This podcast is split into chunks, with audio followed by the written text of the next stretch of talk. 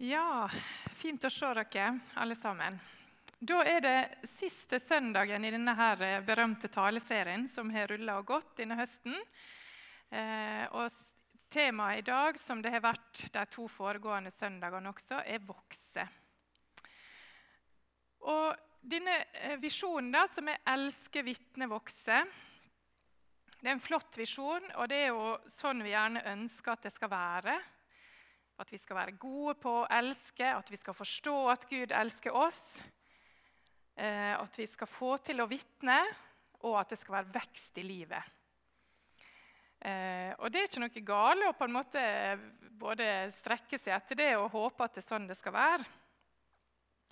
Men jeg tror at hadde vi liksom satt oss ned og snakka sammen, vi som er sammen her, så er det flere som nok kunne fortalt om det er ikke alltid sånn.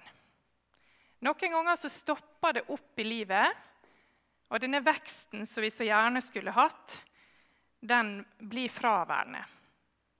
Enten fordi at vi sjøl tar valg som gjør at det, det roter seg til for oss, eller det kan være et sånt sjelelig og åndelig mørke som kommer innover livet. Som ganske mange erfarer i løpet av et langt kristenliv. Så Det er det vi skal prøve å snakke litt, eh, litt om i dag. Og Vi er på en måte inn i dette. Kanskje noen som har stussa over de tekstene som var satt opp. hvis dere har lest dem på forhånd. Men jeg eh, tenkte å prøve å bruke fortellinga om han Jakob eh, inn i dette her da, som en sånn rammefortelling. Så det blir ikke helt sånn vanlig. Vi skal ikke reise oss underveis her og lese tekst. og sånn, Men vi skal på en måte ta med oss noen biter gjennom denne talen. Eh, vi møter jo Ann Jakob og familien hans ganske tidlig i, eh, i eh, Bibelen. Allerede i kapittel 25 i første Mosebok så møter vi denne familien. Ann Isak og Rebekka har vært gift i mange år og eh, har en sånn redsel for at de ikke kan få barn. Men så blir endelig og Rebekka gravid, og det viser seg altså at det er to gutter eh, i magen tvillingene Esau og Jakob.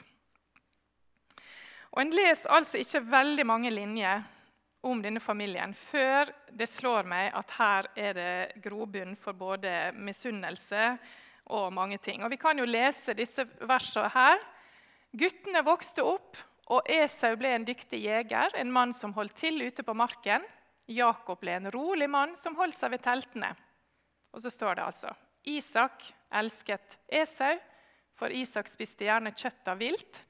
Og Litt sånn rar innskutt setning der. Var, derfor, var det derfor han elska han? Fordi han var glad i kjøtt? Vet ikke. Men Rebekka elsket Jakob. Og jeg vil jo bare si et sånt farsdagsperspektiv, og, et, eh, og til oss mødre med, alle vi som er blitt foreldre Sånn som dette her skal det jo ikke være. Det skal ikke være sånn at en som foreldre elsker ett av barna sine mer enn det andre. Men den lodne og rødlige Esau han er den eldste. Han ble født først. Det står jo også at han Jakob, eh, det er jo en sånn detalj som jeg henger meg opp i, at han Jakob holdt han Esau i hælen når han ble født. Ja, For alle oss som har født, så gjør, seg, gjør, man seg noen tanker rundt akkurat dette der, uten at vi skal utbrodere det. Men det er jo ting i denne fortellinga som, som, eh, allerede da virker det som at det er litt sånn kiving mellom disse to. Og Så vokser de opp, og så er det to hendelser som får veldig store konsekvenser. Og Den første er jo eh, at han Esau kommer inn fra jakt. Eh, vi ville sikkert sagt at han har veldig lavt blodsukker. For han har, Det lenge siden han hadde spist, var ekstremt sulten. Og når han ser at han Jakob driver og lager mat, så sier han 'gi meg noe av dette her'. Nja, sier han Jakob litt sånn kneken og sier nei, det får ikke du gratis. Ja, men du skal få førstefødselsretten min. Bare gi meg noe mat. Så desperat sulten er Esau. Så gir han altså fra seg førstefødselsretten eh, til broren Jakob. Og ikke så veldig lenge etterpå, ser det i hvert fall ut som, så overhører hun Rebekka at Isak begynner å forberede denne velsignelsesseremonien som han skal velsigne Esau. En sånn kjempeviktig handling at far, patriarken, far i huset, velsigner sin eldste sønn. Og dette skal gå liksom i ledd etter ledd. En kjempeviktig handling. Og dette vet Rebekka, men hun vil jo at han Jakob skal få denne her velsignelsen. Så hun begynner å ordne og styre og ber altså han Jakob om å lure til seg denne velsignelsen. Og De legger en plan. og Det er jo mange ting å tenke på her, for han Esau han er så lodden. altså Han hadde sånn sterk hårvekst, og det hadde ikke han Jakob. Så de, de, skjønner på en måte det at han Isak, selv om han ser veldig dårlig, mest sannsynlig vil prøve å dobbeltsjekke. Så han, han Isak, han, nei, eh, Jakob legger sånn eh, dyrehud på, på, hendene, sånn at de skal klare å lure faren. Og Så kan vi jo lese noen av de versene om hvordan dette foregår da, fra kapittel 27. Ja, altså han gikk til faren, altså Jakob gikk da inn til faren og sa, 'Far.' 'Ja, min sønn', sa han. 'Hvem er du?' Han Isak så altså veldig dårlig. Da sa Jakob til faren, 'Jeg er Esau, din førstefødte sønn.'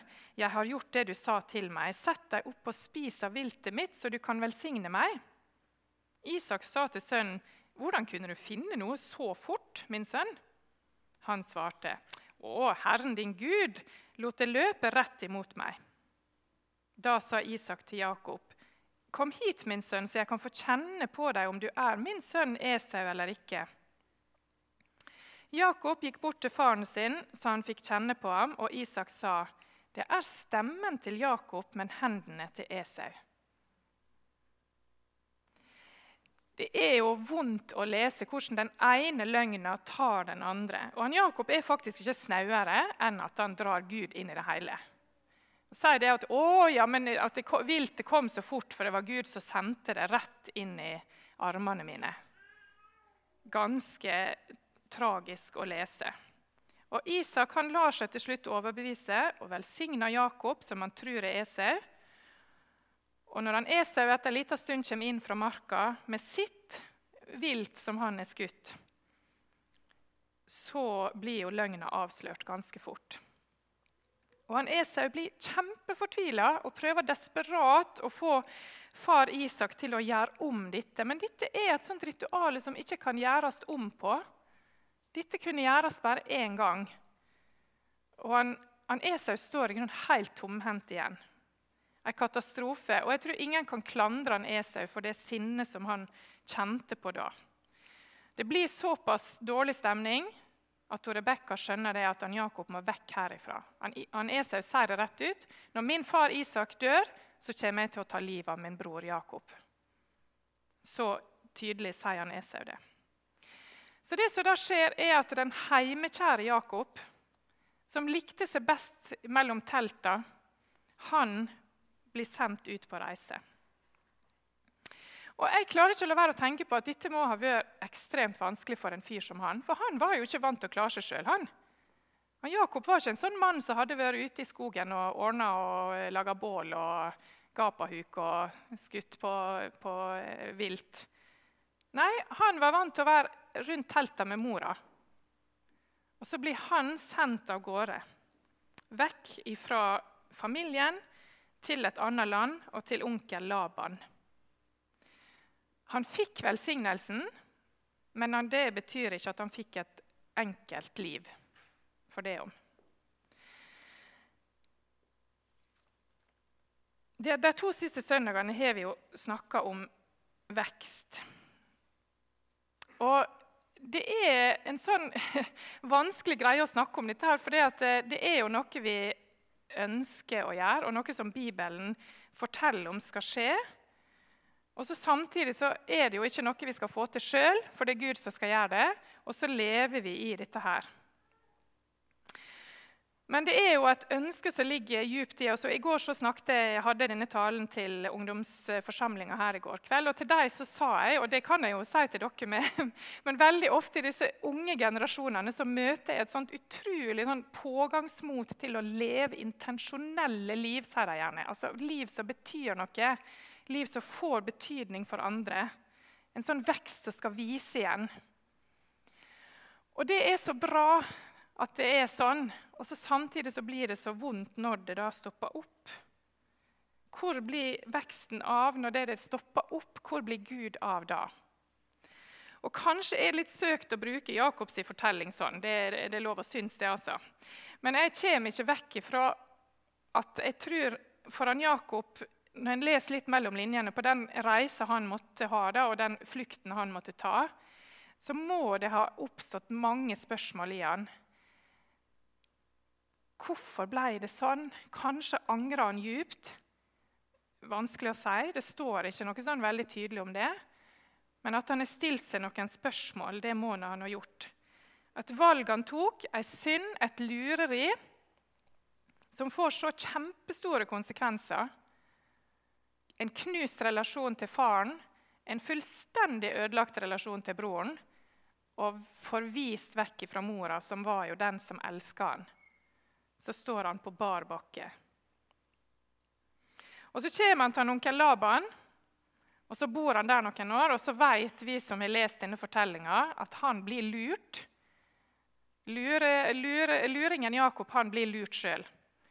Og etter å ha jobba sju år for å få orakel, så våkner han dagen etter bryllupet med søstera Lea i stedet. Og jeg syns jo Lea blir, jeg syns litt synd på henne. da. Det er veldig mange som syns synd Og stakkars Jakob, liksom, som våkna opp med, med, Lea. Men stakkars Lea, sier nå jeg, som ble tvinga til å gifte seg med en mann som ikke elsker. Og I tillegg blir hun beskrevet i Bibelen som hun med de matte øynene. Hun får jo liksom kjørt seg, syns jeg. Jeg syns vi skal ha litt medynk med henne. Men i hvert fall så der sitter han da, som var en luring sjøl. Han har blitt lurt av onkel Laban. Og han er jo broren til Rebekka, så det er akkurat som det ligger litt i familien. dette opplegget her. Um, og så sitter han der i dette landet, og kanskje kjente han med på det. Det var ikke sånn det skulle bli. Noen ganger så kommer synd i veien for veksten vår. Og Det er det første punktet vi skal se litt på, og så skal vi snakke litt om når det er andre ting som stopper opp etterpå. For det er jo sånn at vi ønsker å velge riktig, og så gjør ikke vi det alltid. Vi har en svak natur i oss. Og Samme hvor lenge vi har levd sammen med Jesus, er det akkurat som denne svake naturen likevel lever sitt eget liv. Og Innimellom så tar vi valg vi ikke skulle gjort. Kanskje er du en av de som, som har tatt noen sånne valg som ikke en skulle gjort. Eller at du står fast i noe som du ikke klarer å få gjort noe med. Som du vet kanskje er dette er ikke greit. Dette vil jeg egentlig skjule både for Gud og mine medmennesker. Og da har jeg lyst til å spørre, Hva slags blikk er det Gud har på deg da? Hva slags blikk er det du tror at Gud ser på deg med da? Når denne veksten uteblir da, fordi at du hadde gjort noe du ikke skulle, du føler mer at du visner mer enn at du vokser, hva slags blikk har Gud da på deg? Er det et blikk som er litt sånn Hva var det jeg sa? Dette kunne aldri holde, vet du. Er det sånn Guds blikk er? Eller er det et blikk som ber deg stramme deg opp og begynne å bære frukt? For det bør du jo gjøre. Vi er altså så mye mer prega, tror jeg, da, av denne gjøre-tanken enn det vi tror.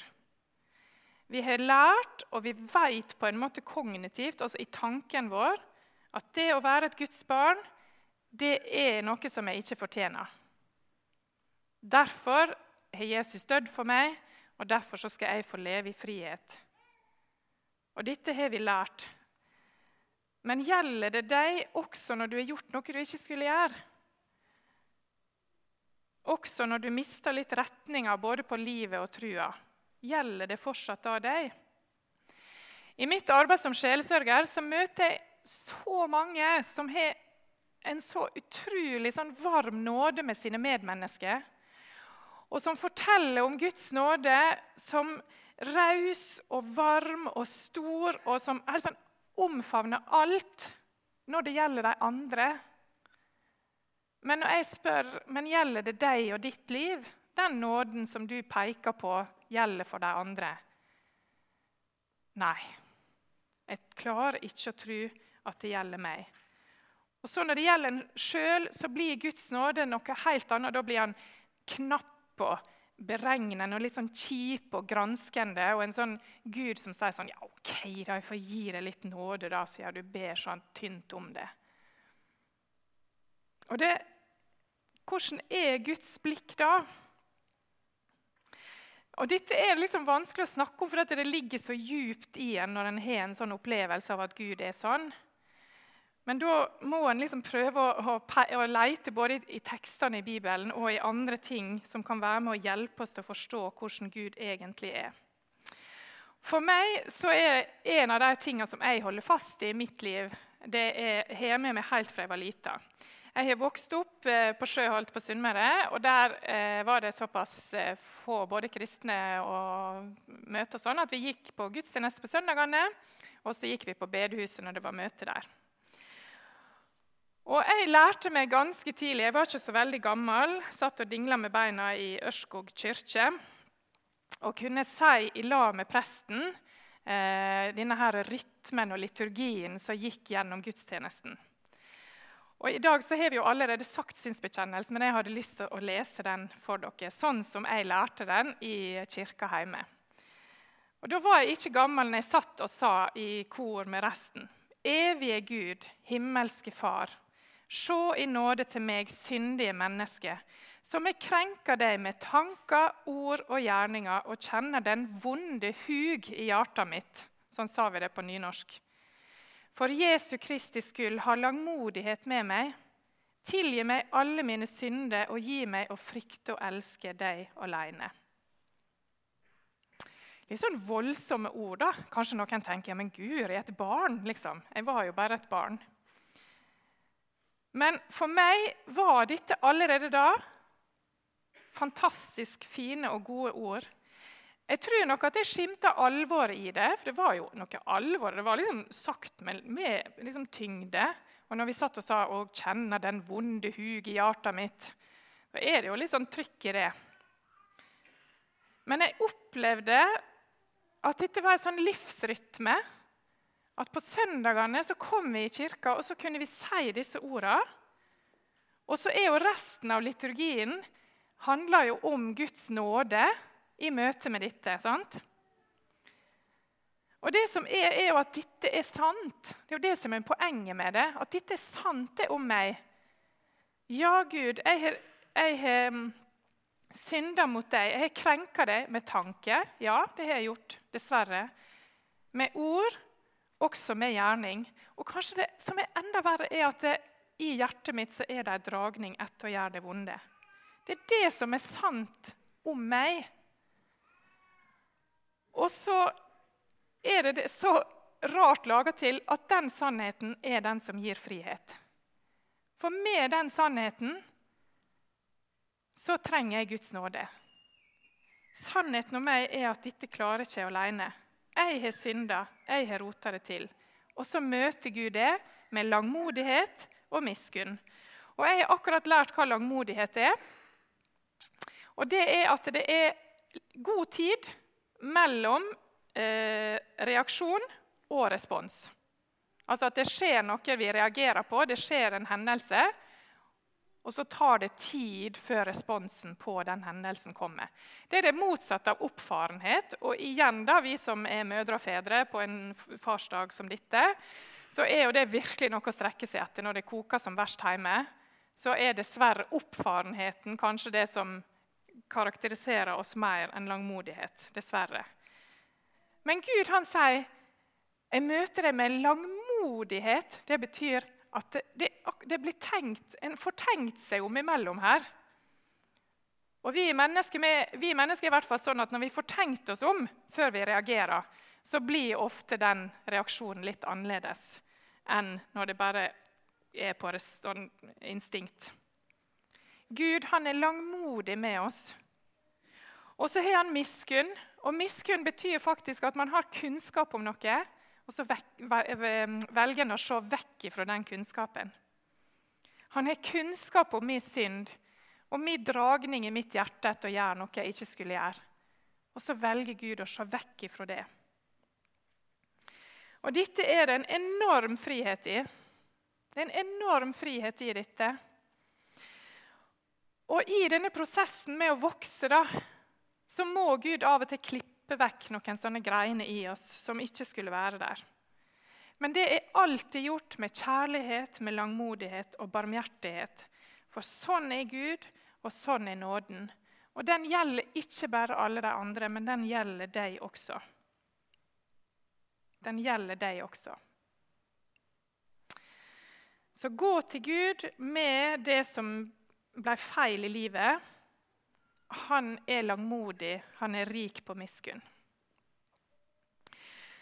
Andre ganger så er det andre ting som gjør at denne veksten som vi så gjerne ville hatt, stopper opp. Og Det kan være andre typer smerte i livet, andre typer enn synd. Men det som noen opplever bare et sånt sjelelig mørke som oppstår. Eh, dette sprudlende åndelige livet som man hadde, det er liksom vekk. Og en veit ikke helt hvorfor. Andre ganger er det jo sykdom som gjør det. At man kan bli alvorlig deprimert eller en kan kjenne på angsten som tar en, eller andre ting som gjør at dette med vekst blir ikke noe som liksom eh, sprudler over. Og Det jeg har lyst til å si, det er helt vanlig.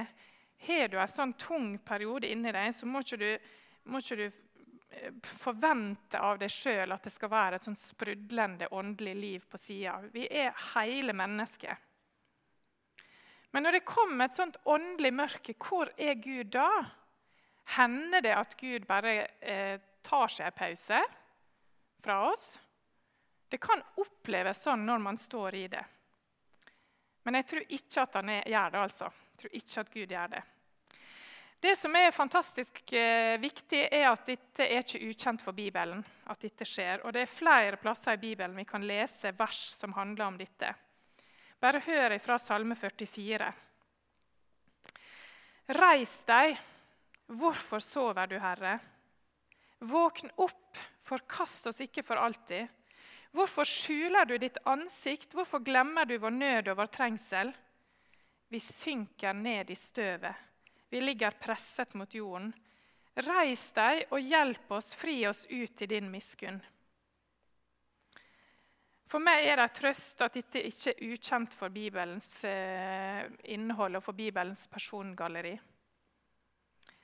Man kjenner seg ofte alene når det blir sånn mørkt. Men jeg har lyst til å si at du er ikke det. Og så er det noe et sånt rart greie, og dette, dette må vi snakke om med ydmykhet. For at folk som har stått i sånne tøffe, vanskelige perioder der det er blitt så mørkt, kan jo av og til fortelle om etterpå at det skjedde en vekst i det. Man, man, kjente ikke det når man var der, men kan, men kan se etterpå at her har jeg gjort meg noen erfaringer med hvem Gud er, som gjør at jeg har vokst likevel. Så jeg har lyst til å si at Det er ikke alltid sånn, så vi skal være ekstremt forsiktige med å si til mennesker som er i vonde perioder og i mørke ting, at sånn, dette er veldig bra at du opplever, for nå kan du vokse. Det må, vi, det, det må ikke vi si. sant? Men de sjøl kan av og til vitne om det i etterkant. For Gud har en sånn ubegripelig evne til å ta tak i bitene i livet vårt. Det som var knust, og så sette det sammen igjen, slik at det blir noe et eller annet godt på andre sida. Det kan skje. Sånn er Gud. Og så har jeg lyst til å si at Hvis du går i et sånt mørke der du leter litt etter hvor Gud er, bønn og Bibel er så mye vanskeligere enn det har vært før. Så snakk med noen om det. Kanskje kan noen andre få be det gjennom denne perioden. Og så har jeg lyst til å også oppmuntre til å lese bøker som handler om dette. For dette har folk skrevet gode bøker om. Erling Rimehaug har skrevet en kjempebra bok, 'Tørsten gir lys'. Vidar Mæland Bakke har skrevet en kjempebra bok som heter 'Gi mine øyne lys' som handler om dette, og som kan gi hjelp inn i sånne perioder. Og Guds langmodighet, han er der. I går så sa hun, Sunniva, som leda møtet i går, hun sa det. Gud har ikke lovd oss et eh, liv uten lidelse, eller med fravær av lidelse, men Gud har lovd oss nærhet gjennom lidelsen, at han er der. Og Vi skal lese fra Salme 139 før vi skal runde av med Jakob etterpå.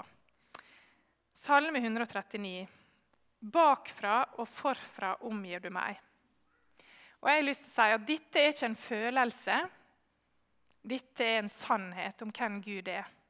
Bakfra og forfra omgir du meg. Du har lagt din hånd på meg. Det er et under jeg ikke forstår. Det er så høyt at jeg kan ikke fatte det. Hvor skulle jeg gå fra din pust? Hvor kunne jeg flykte fra ditt ansikt? Stiger jeg opp til himmelen, er du der, og legger jeg meg i dødsriket, så er du der. Tar jeg soloppgangens vinger og slår meg ned der havet ender, da fører din hånd meg også der. Din høyre hånd holder meg fast.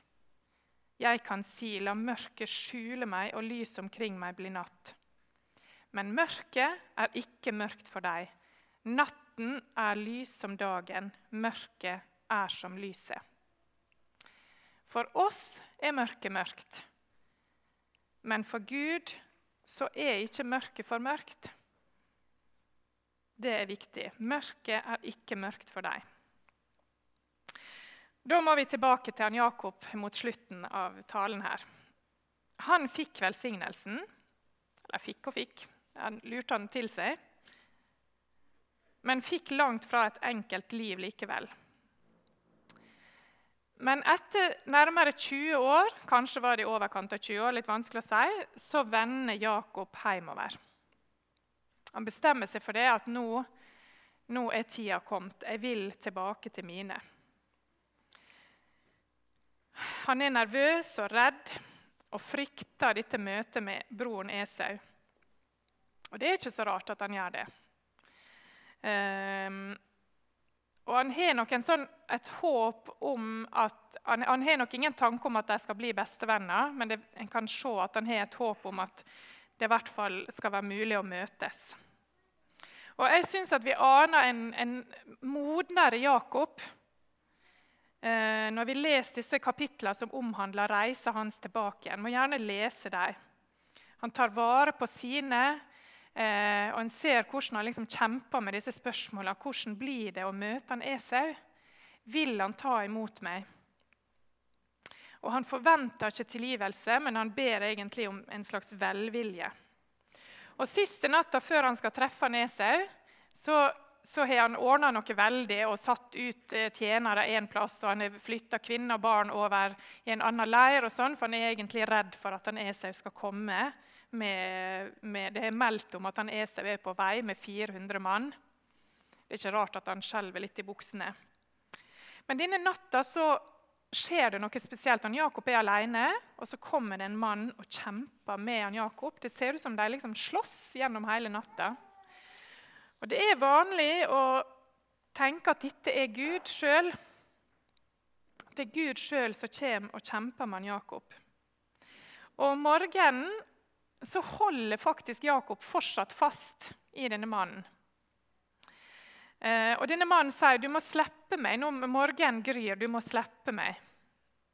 Og Så sier han Jakob nei, jeg slipper deg ikke før du har velsigna meg.